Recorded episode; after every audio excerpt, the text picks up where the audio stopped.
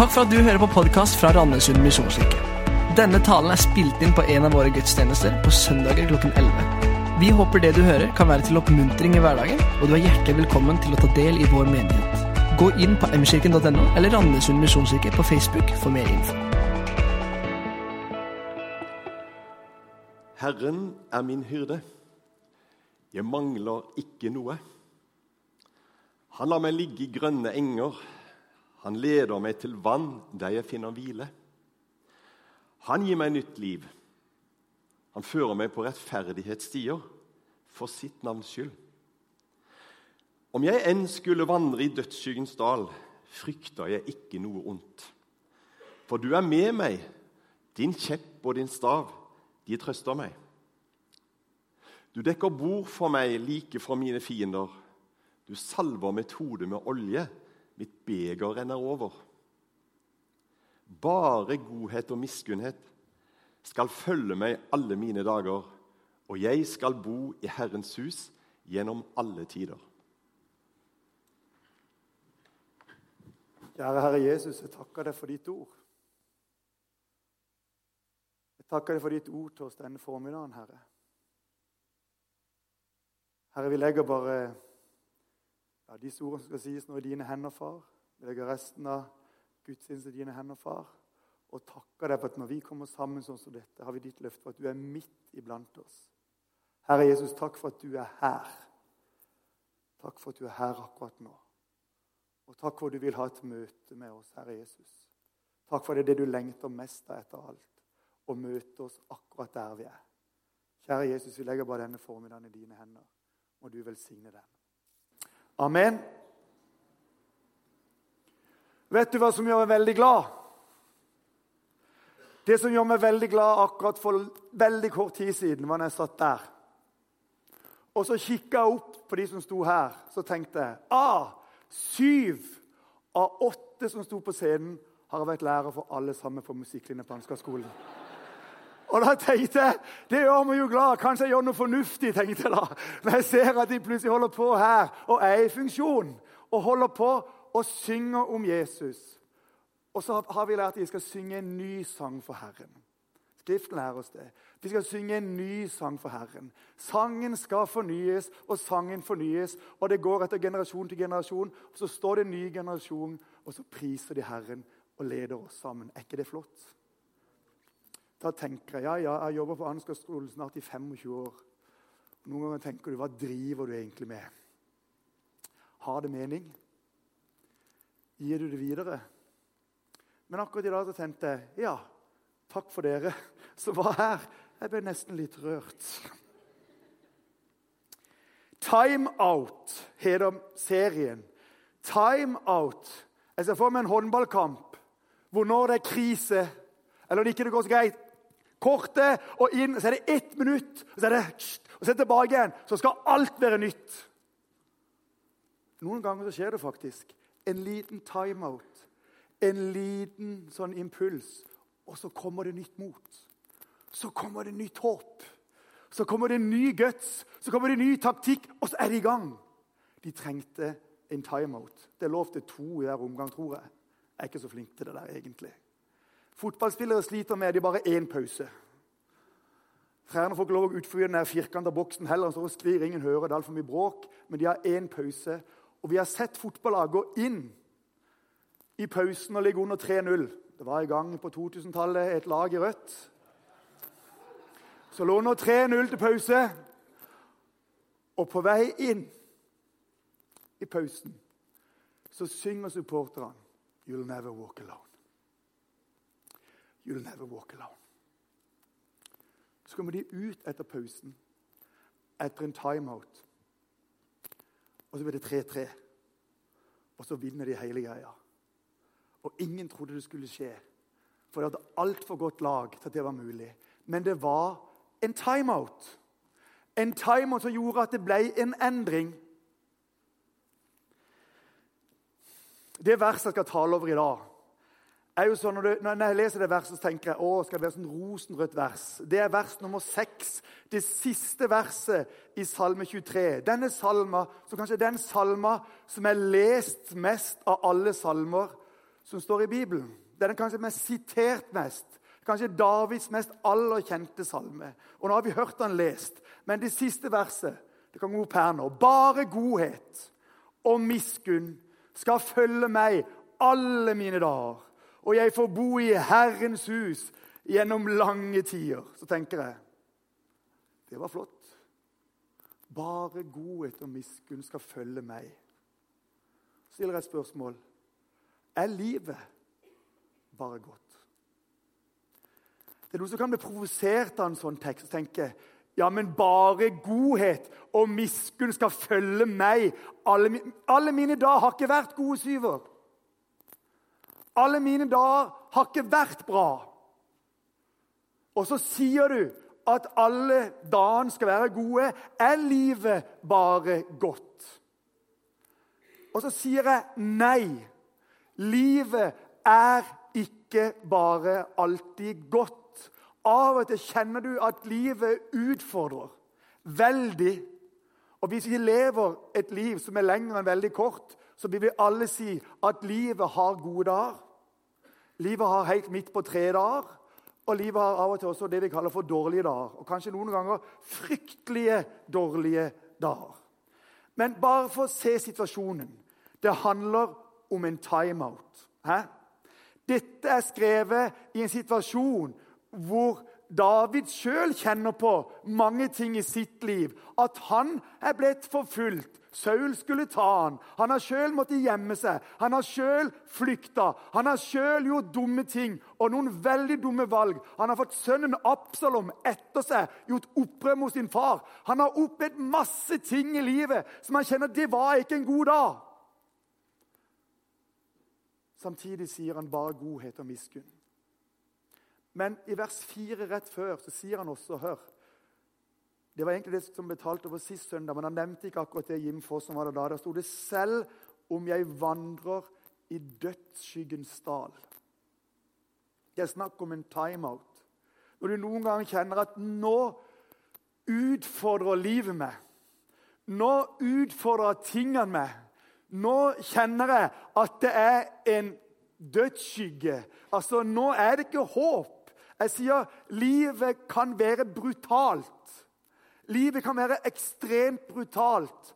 Og det tikker inn en melding på min telefon i går om en kollega som har ei datter på 23 år som ligger for døden. Så kjenner jeg at livet er ekstremt brutalt. Hvorfor skal det være sånn? Hvorfor er livet så utfordrende?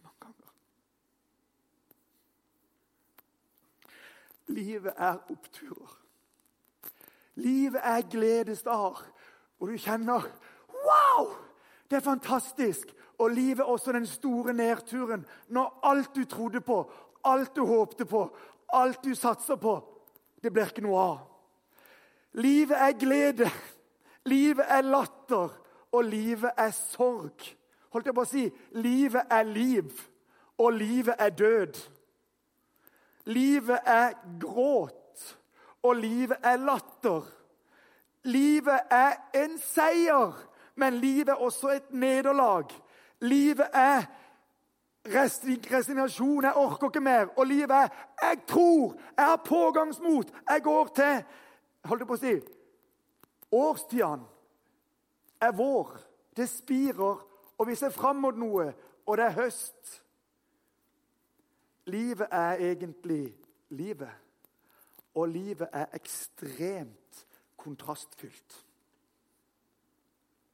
En av de setningene som utfordrer meg mest, som du finner i noen sammenhenger, og som kanskje jeg vokst litt opp med, men som jeg kjente det der tror jeg ingenting på, det er når noen sier Når noe skjer i livet, så kommer setninga 'Det var nok ei mening med det'. Og Da kjenner jeg det vrenger seg inni meg. Det var nok ei mening med det. Hva slags tro er det? En som skjebnetro. Alt er planlagt, og så blir det akkurat sånn. Ikke vær redd for å si at ting var meningsløst. Det, gir, det er ikke alle ting i livet som gir mening. Det er, sånn er det. Jeg husker jeg snakka med mange studenter, men de sier ja, men vi har lært sier, det er ikke alle ting i livet som gir mening. Jesus gråter med de som gråter. Jesus sørger med de som sørger. Jesus har omsorg med de som lider. Men hvis Jesus har all makta Det er jo det ondes problem. jeg vet dette. Men det Jesus har lovt, han sier, 'Se, jeg er med dere alle dager'. Hører dere? Han sier, 'Se, jeg er med dere alle dager'. Det er ikke alt som skjer, som er mening. Det skjer noe fryktelig trist. Ja, det var nok en mening med det. Hva er det for et opplegg? Men alt kan vende seg til gode for den som elsker Herren. Det er noe annet.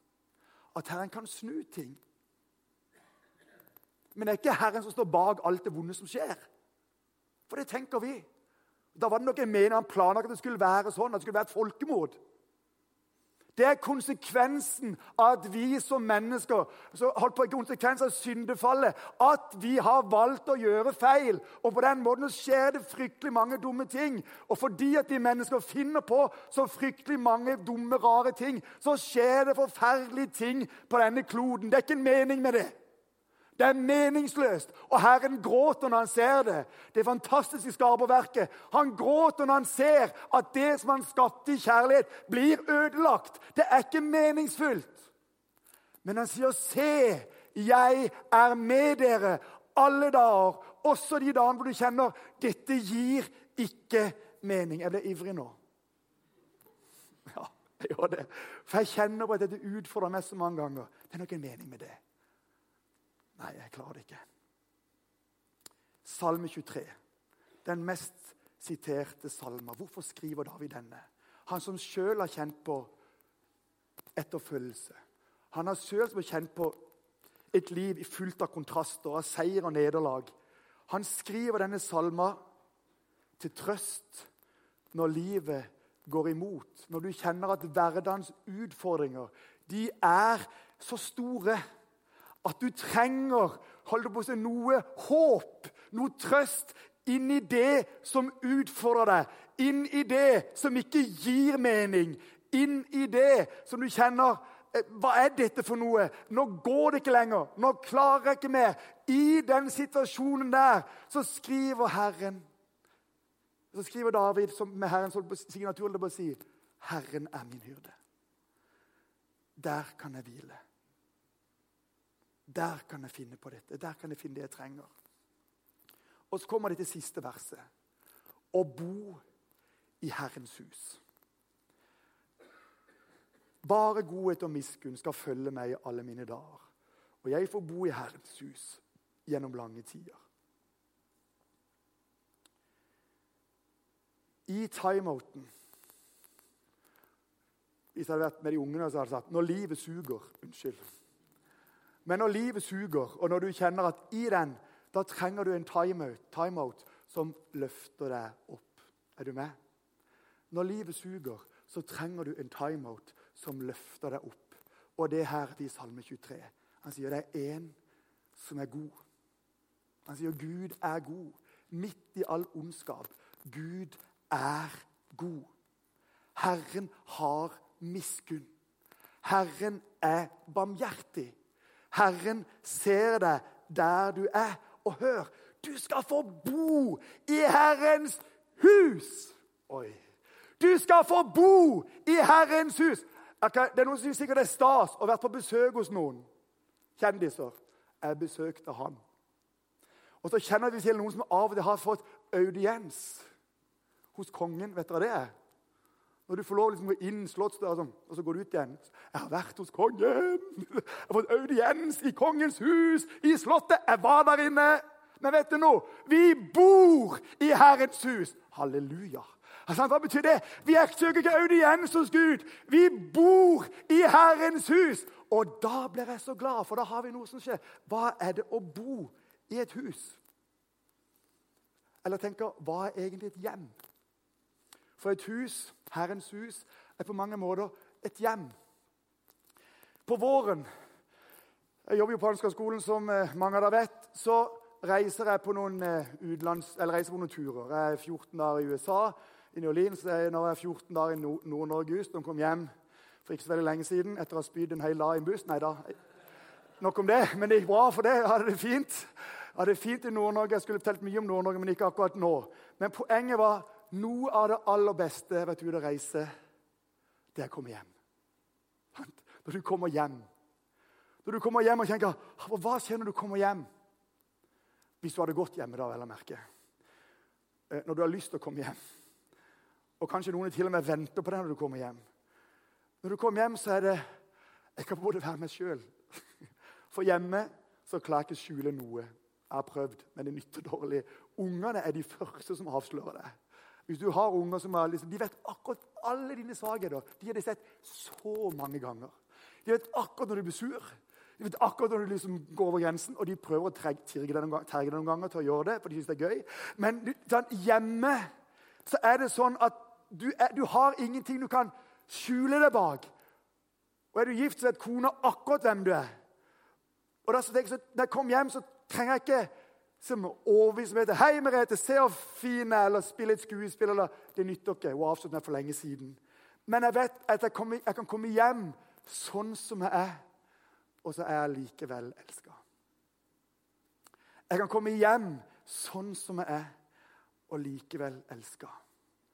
Og jeg vet som far at når ungene kanskje kan bli sure på meg, det skjer jo aldri, men hvis det skulle skje, og de kanskje låser seg inn på rommet eller lukker døra «Vi vil ikke snakke med deg, din idiot!' eller et eller annet sånt der.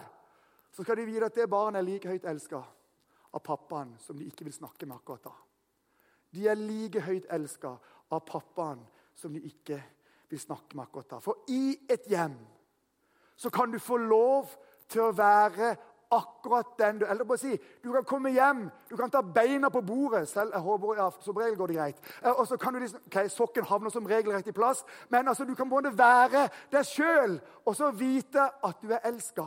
For du har ingenting du må pynte på. For det nytter ikke å pynte på det. Hvis du prøver å pynte på, på livet, så på et eller annet tidspunkt så rakner det hjemme. da. Er du med? En må leve sant, og en lever ærlig. Og så kan jeg vite at når jeg gjør det, så er jeg likevel elska.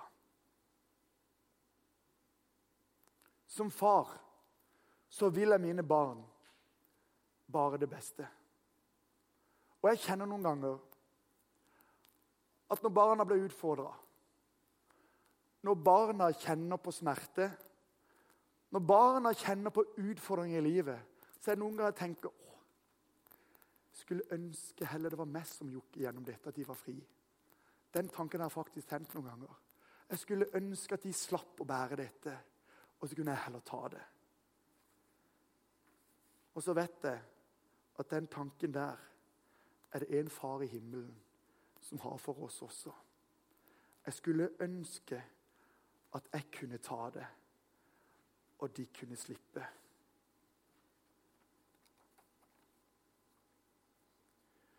En sang jeg skrev, da kjenner han mange av dere. Ikke dere unge, dere har ikke peiling. Men dere som på min alder er eldre, det kan denne. Som når et barn kommer hjem om kvelden, blir møtt av en vennlig favn. Slik var det for meg å komme til Gud. Jeg kjente at her hørte jeg hjemme. Som når et barn kommer hjem om kvelden Dere har hørt den, sant? Mange av dere iallfall. Det var en plass for meg i det hjemmet. Det var en plass for meg sånn som jeg var. Det var en, jeg kunne være hjemme og komme hjem til Gud. Jeg bo i Herrens hus. Jeg ikke komme inn og si hei, her kommer perfekte syver, men her kommer syver med sitt liv. Med sine nederlag, med sine feil, med sine mangler og med sine gode sider og med sine sterke sider. Og sier at 'jeg er hjemme, jeg er hjemme hos Gud', og det er en plass hos meg der. I Johannes 14 Jesus samler disiplene. Han vet han skal dø. Det er snart påske, og påska ligger rett om hjørnet for oss når vi skal snart feire dette. Så sier han, 'La ikke hjertet bli grepet av angst.' Tro på Gud og tro på meg. I min fars hus er det mange rom.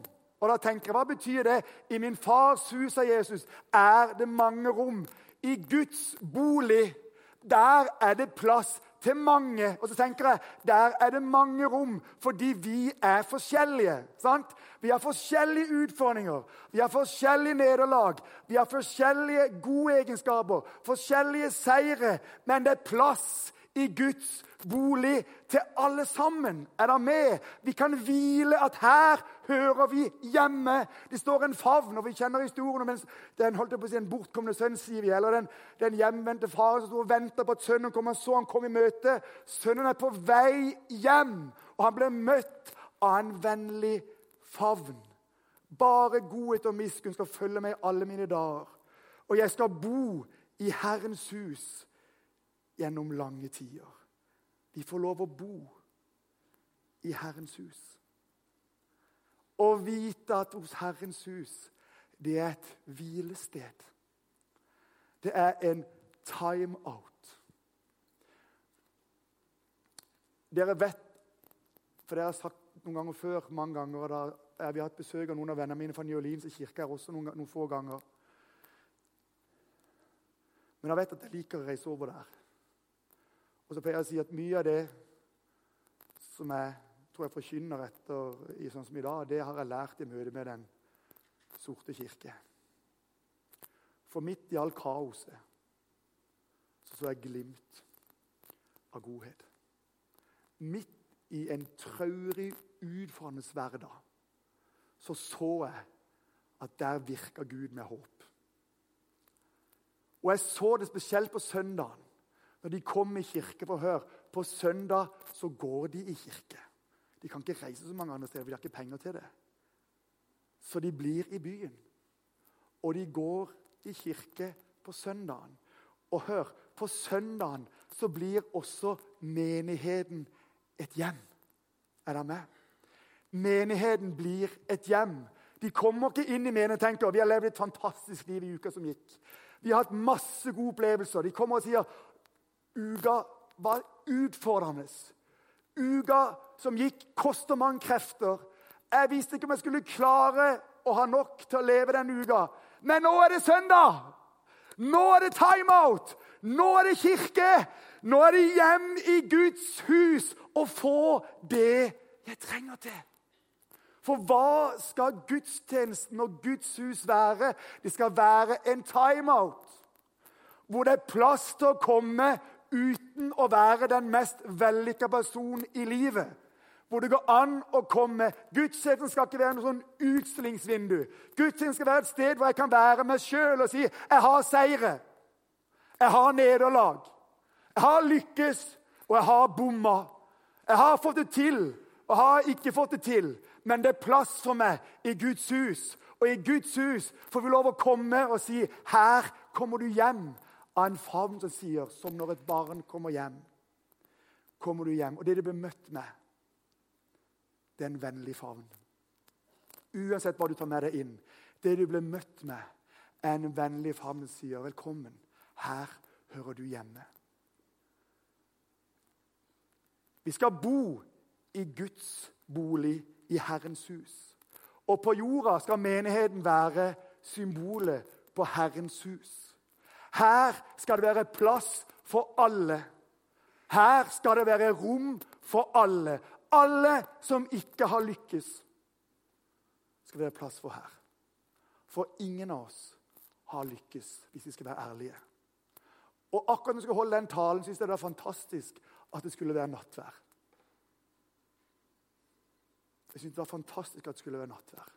For jeg tenker, for meg blir dette symbolet i dag når vi skal til nattverd om en syv-åtte minutter, kanskje, så vi får lov å komme og bli møtt av en vennlig favn.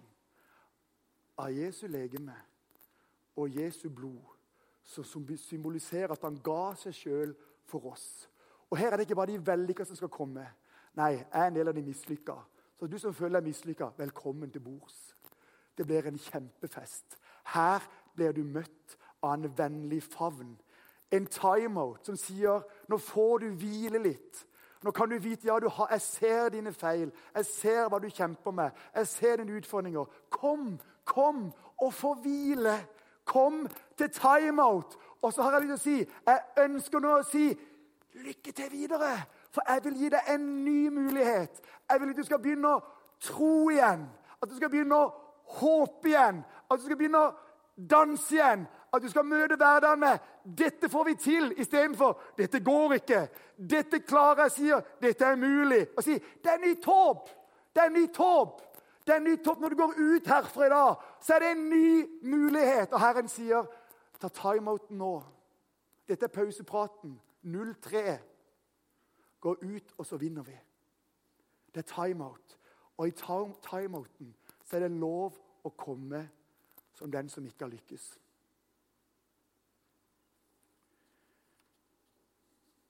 Ikke alle menneskelige hjem er gode. Jeg må si noe om det. Jeg vet det. Så noen sier du snakker om et hjem. Så har ikke mitt hjem vært et godt hjem. Kanskje du sitter det. Og fordi vi er mennesker og egoister, som vi egentlig er alle sammen, og kom stykket, så blir det sånn. Og det er klart at Noen prøver å styre et hjem med frykt. Det er aldri et godt hjem. Alle som prøver å styre noe med frykt og maktovergrep, det er aldri gode ting. Med tvang. Sånn er regelen. Sånn er det, og vi tvinger folk til å leve sånn. Det er aldri et godt sted å vokse opp. Men vi mennesker har så lett for å gjøre det. Både i hjem og i kirke. Og på arbeidsplass. Og som ledere. Så kan vi gjøre akkurat det. Men hør. I Guds hjem, der er det ikke fryktkultur. Der er det kjærlighet. Han sier ikke 'skjerp deg'. Han sier 'kom, hvil deg litt'. Hvil deg litt. Jeg elsker deg, hvil deg litt. Vi prøver en gang til. Vi trenger et hjem. Vi trenger et hjem. Så er det kanskje noen som blir utfordra når jeg sier det her og sier ja, men Syver, jeg bor alene. 900 000 mennesker i Norge da bor alene. Nesten en million. Det er mange, det. Enslige husholdninger. Og så snakker du om et hjem. Jeg vet at for noen kan det å bo alene være ufrivillig. Det var ikke noe de ønska, men det ble sånn. Så kan de nok bli glad i, i det å være alene også, men det utfordrer mange. Og da har jeg lyst til å si når vi vet at det er situasjonen, så jeg tror det er utrolig viktig å vite at vi som kirke må være et hjem. Sånn at de som kanskje bor alene, tenker der kan jeg komme og være. Dette bildet har jeg veldig nært for meg. for Jeg har en sønn som flytta ut og bor i Skottland nå. Det er ikke alltid lett for han å bo i Skottland og føle seg alene. Hvis, hvis han er ærlig med seg sjøl, og det er han som regel, men han er veldig ærlig. Han sier alt åssen det er. Men da sa han noe av det viktigste for meg når jeg kom til Skottland, det var å finne ei kirke. For i kirka så følte jeg meg hjemme. Jeg, hadde, jeg bodde ikke lenger hjemme hos dere. Jeg bodde alene. Men når jeg flytta ut, noe av det viktigste da skjønte jeg trengte, det var ei kirke. Et hjem. Et sted jeg kunne være meg sjøl. Et ser det kunne være akkurat den. Jeg tror, vet du noe, Vi som kirke i dag, kjære Randesund misjonskirke og alle menigheter, så har vi en utrolig utfordring å åpne opp og være rause og gjøre kirka til et hjem hvor folk kan føle at de får time-out og krefter til å komme videre. Er det med? Vi trenger å være det. Og vi trenger ikke bli sånn mot oss sjøl og se bare oss sjøl. Vi trenger å åpne blikket og si 'velkommen inn' og være en del av fellesskapet. Vi har et hjem der vi bor, og det hjemmet kan være dårlig og ensomt. Vi trenger et hjem, ei kirke, som er viktig for nettopp det. Jeg har vært i USA, i New Orleans mange ganger, så har jeg sett akkurat det samme der. Veldig rart. Det er noe som ikke har sett skje i Norge. Men i kirka har de sånn egen single ministries. Jeg forsto ikke hva det var for noe. Det var for alle som var alene. Så tenkte jeg, Skal de prøve å koble dem til et par? eller noe? Nei, nei, nei, det var ikke det det handla om. Det det handla om, De skulle ha et fellesskap. Så de ikke følte seg alene. Er det med? Så de følte at de var en del av noe som er større. Kirka er viktig som et åndelig hjem og et hjem vi kan være oss sjøl. Og så er det bildet på den boligen som vi leser om her. Bare godhet og miskunn skal følge meg alle mine dager, og jeg får bo i Herrens hus gjennom lange tider. Jeg får bo i Herrens hus gjennom lange tider. Bare godhet og miskunn skal følge meg alle mine dager, for i Herrens hus blir jeg møtt med Hans kjærlighet, med Hans nåde. Der kan jeg bo akkurat sånn som jeg. Med alt hva jeg er og ikke er, verken mer eller mindre. Du som kjenner at du trenger en timeout, velkommen til nattvær. Så kan du gå ut herfra videre Herren har sett deg og hørt deg. Og han sier, 'Jeg vil gi deg nytt mot og nye krefter.' Møt neste dagene og vit at jeg er med deg. Kjære Herre Jesus, jeg takker deg for at når vi kommer sammen sånn som vi gjør nå, så er du midt iblant oss, Herre Jesus. Jeg takker deg for at hos deg får vi en timeout. Jeg takker deg for at hos deg får vi et hjem.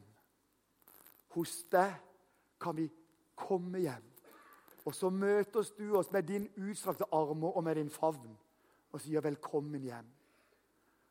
Jesus, vi som sitter i dag og syns at livet suger, og at ting utfordres i mange forskjellige varianter, Herre Hjelp oss til å komme i dag til deg og si, 'Herre, vi kommer til deg nå sånn som vi er', og vi ønsker å komme hjem til deg. Og hvile i alt vårt strev. Og få nytt mot og nye krefter i alt vårt strev. At disse nederlagene vi kjenner på, at de kan vi legge hos deg. Og så må du med være oss videre. Jesus, kom du og vær midt iblant oss når vi skal dele nattvær. La det bli et hellig møte mellom deg og oss, Herre Jesus. Og la oss gå ut herfra med løfta blikk og vite at vi er elska av deg. Akkurat sånn som vi er.